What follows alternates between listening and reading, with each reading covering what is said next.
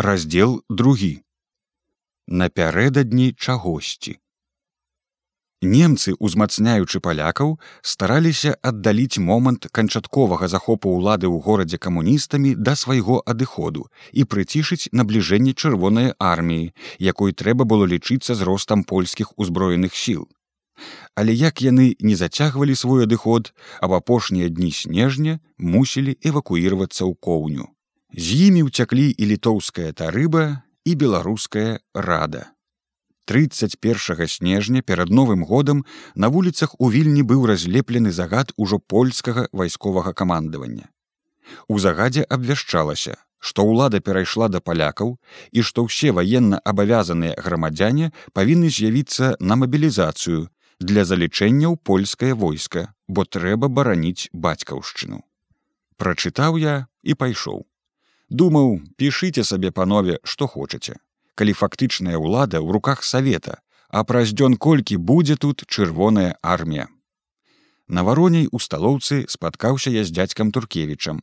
Ён толькі што вярнуўся з вёсак под гродняю абедалі мы з ім за адным столікам ён быў у вельмі добрым гуморы апавядаў што вёска настроена для нас надта добра. Сяляне спачуваюць бальшавікам чакаюць загадаў Паабедаўшы, пайшлі мы з ім разам па сваіх хатах. Дарогаю спыніліся каля польскага загаду, наляпёнага на плоце, яшчэ раз прачыталі яго. Як думаеш, дядзька Язэп, спытаўся я. Рызыкнуць яны разганяць варонію ці не. Чорт ім даў, адказаў дядзька Туркевіч, пабаяцца. І мы развіталіся. Наступаў вечар, цямнела, сыпаўся сняжок, заўтра новы год На вуліцах, аднак даволі ціха. Ажыўленне, як заўсёды перад новым годам сёння не заўважалася. Нібы ўсе прытаіліся перад чым. Прыйшоў я дамоў. Плахінскага няма, пайшоў да касцёла Богу маліцца. Бацька мой сядзіць, напрануўшыся каля акна, чытае сваю меншавіцкую новую эру. А юзя ляжыць на ложку і відаць па вачах, што плакала. Такія здарэнні, каб яна вельмі чаго засмуцілася, трапляліся ў яе рэдка. Ужо і пасля смерці Яні яна паспакайнела, часамі смяялася. Бо час, асабліва для такіх натур, вялікае лякарства, усё праходзіць, усё забываецца. Падсеў я, пытаюся, у чым справа, ці не захварэла яна, ці не нарабілі мы праз неасцярожнасць якой бяды, Не дзіва жывём у такой завірусе, што няма калі добра абдумацца ці правесці якую справу гладка. А тут яшчэ ромусь рабейка паддаў жару. Аж яна і кажа, што сапраўды спаткалася на вуліцы з ім. І ён пагражаў і ёй і мне. Ах, такі ўжо ён, кажу ёй, гладзячы яе рукою па валасах, а сам думаю: Маніш, галубка, не такая ты, каб ад гэтага плакаць. Пэўна, таму ты плачаш, што ў пакоі сцюжа і няма чым спаткаць новы рок. Буржуазка. А потым яна дастае з-пад падушкі запіску і кажа: « Быў болесь Будзіловіч, пакінуў табе. У запісцы было напісана: « Мацей, прыйдзі да мяне сёння без асаблівага шуму, як сцямнее, пагаварыць аб вельмі важнай для цябе справе. Ён казаў, дадала юзя каб ты гэтыя дні пасядзеў у хаце а вечарамі на вароню зусім бы не хадзіў.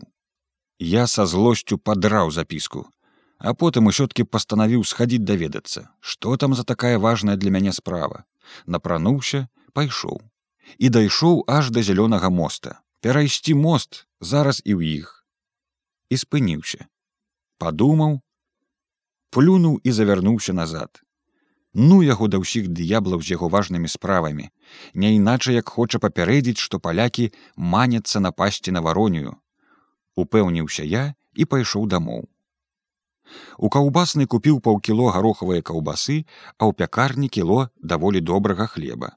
Схаваў і в адну кішэню і ў другую. Усё роўна разарацца дык разарацца. Калі можаш з'есць, дык з'еш, бо хто ведае, калі і як прыйдзецца табе ласавацца ў тваім жыцці. На віленскі завярнуў на падворак, дзе змяшчалася сталоўка майго бацькі. Сталоўка была ўжо на замку і вакол ні душы, але фортка ў браме толькі на ланцугу можна пралезці і дворніка няма. Мусіць таксама пайшоў да касцёла Богу маліцца. Я праціскаўся ў самы канец падворка, дзе ляжалі ў штабелях двухметровыя дровы. Выбраў круглячок па сваёй сіле, паціхеньку выбраўся на вуліцу і спакойна пацягнуўся дадому. Круглячок мы з бацькам зараз парэзалі і пабілі. Ён усё пытаўся, дзе гэта мне пашчасціла. Пэўна, кажа, сцягнуў у якога буржуя. Ой, мацей, нядобра бальшавіку займацца такімі індывідуальнымі справамі, сам кажу не ведаю як гэта здарылася ішоў па вуліцы ляжыць бервянцо без прыгляду я і панёс мусіць кажу гэта ўва мне спадчына буржуазных ці бацькоўскіх парокаў но но но агрызаецца бацька можа гэта спадчына выхавання на варонняй вуліцы а плахінскі ён ужо прыйшоў з касцёла і юзя як відаць нічога не зразумелі з нашай гаворкі і проста былі здаволены што ў хаце пацяплела. Юзя падсмажыла каўбасу, з'елі мы яе з хлебцам, запілі гарбатаю, усім павесялела.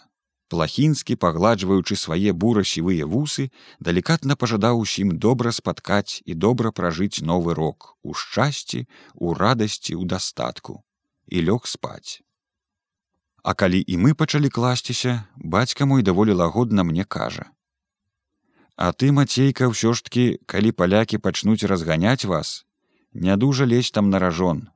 Усё роўна бескарысна я толькі фыркнуў завярнуўся зараз засну на другі дзень першага студня 1919 года хадзіў я з юзею абедаць на варонюю і жыццё ішло там сваім звычайным торам Праўда як пачаў ужо як учіць дык пачаў каб дагадзіць юзі пад'елі мы ў гэты дзень троху смачней а нават і не троху, а добраткі пасілкаваліся.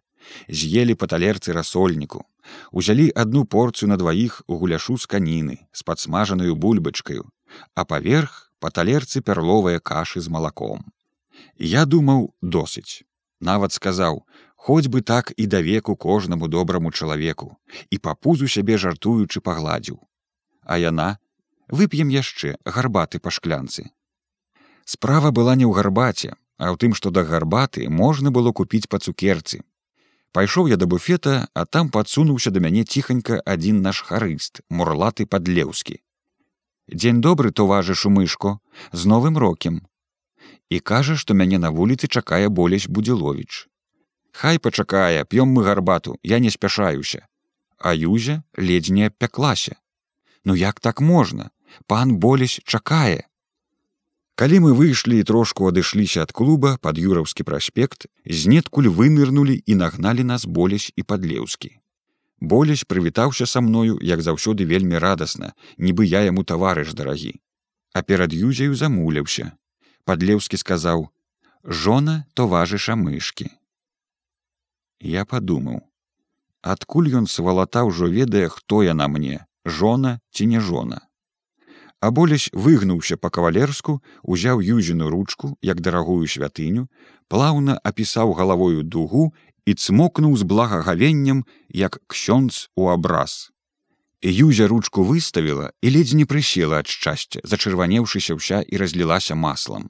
За болесем прылажыўся і падлеўскі. Быў ён электраманцёр але ж пнуўся ў інтэлігенцікі. Пайшлі разам загаманілі пра пагоду Потым, хоць юзя больш цягнулася да боляся, пайшоў з ёю падлеўскі, а мяне апанаваў болясь. Зараз пачаў сваю балбатню. Спатыкаў ён новы рок дома з мамаю і з усімі сваімі, нікуды не хадзіў. Пілі, ели і весяліліся. Аделька так віртуозна іграла. Яе музыка гучала яму як гімны нашых дзён. Наогул музыка заўсёды яго нервуе страшэнна. Яму ад музыкі хочацца і жыць і плакаць. У музыцы было шмат засмучонага, але рашучага і прыгожага імкнення да жыцця і змагання. І яму хацелася, хацелася вырвацца з будзёншчыны на вялікія, нязнаныя прасторы. Аделька іграла і ласкава пазірала на яго. А яго думкі былі далёка ад яе. Ён намаляваў сабе абраз. Калі легіянеры пачнуць разганяць варонію, ён будзе там. Ён будзе абараняць вялікую ідэю вялікую справу. і калі ён падзе там ахвяраю яна даведаўшыся аб непапраўным выйдзе бязмоўная свайго пакоя трагічна адкіне крышку раяля сядзе маленькая але велічаственная і будзе іграць урачыстыя гімны бетховена. У гэтым будзе сінтэз жыцця і смерці. Толькі шкода бедную маму шкода і стасю. А між іншым перапыніў ён сам сваю балбатню успомніўшы стасю сястрычка моя да цябе нераўнадушна. Гэта яна мне подказала а то я сам можа б і не здагадаўся. Ну напісаць табе запіску патлумачыў ён калі я паглядзеў на яго з неразуменнем. Каб ты не хадзіў гэтымі днямі на вароню у запісцы аб гэтым нічога не было. Мне юзя на словах перадавала сказаў я даволі суха А нарэшце болесь у чым тая важная справа дзеля якой ты хацеў мяне бачыць? Хіба ж ты яшчэ не зразумеў мацей? Не прыкідвайся. Вядома я напэўна нічога не ведаю. Гэта ж такія сакрэты. Але аделька тое сёе апавядала. Яна чула ад брата ці можа ад паручніка хвастуноўскага і наогул усе ў горадзе гавораць што мы напярэдадні чагосьці. Ну дык што?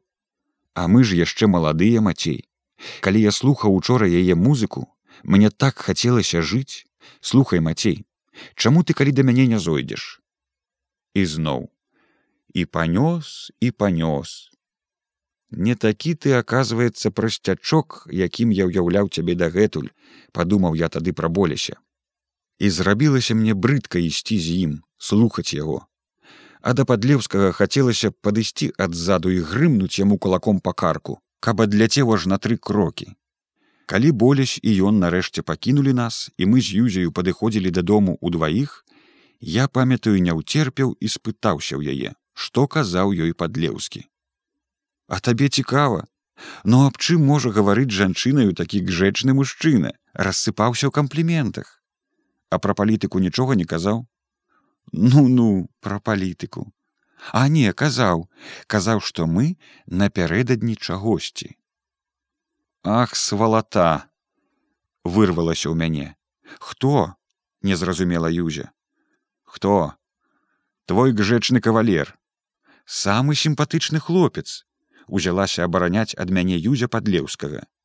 І калі са мною прайшоўся, дык ужо ён у цябе свалата і надзьмулася.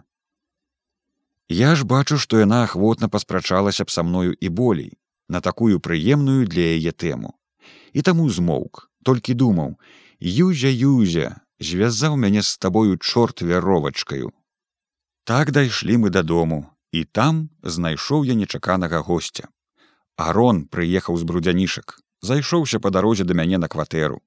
Быў ён як заўсёды здаровы, вясёлы, тупаў вялізнымі падкаванымі ботамі як конь і паварочваўся як мядзведь а гаварыў голасна як у полі. Я вельмі яму ўсцешыўся і хутка забыўся на ўсе свае прыкрасці. Казаў арон што ад іх немцы таксама ўжо выходзяць і ён прыехаў на варонію прасіць інструкцый ці абвясціць сябе ўладаю і ўсё ўзяць у свае руки ці пачакаць да прыходу чырвонай арміі чырвоная армія паводле яго слоў была ўжо недалёка на дарозе з мінска на вільню на станцыі кена. Ён пабыў трошку развітаўся і пайшоў.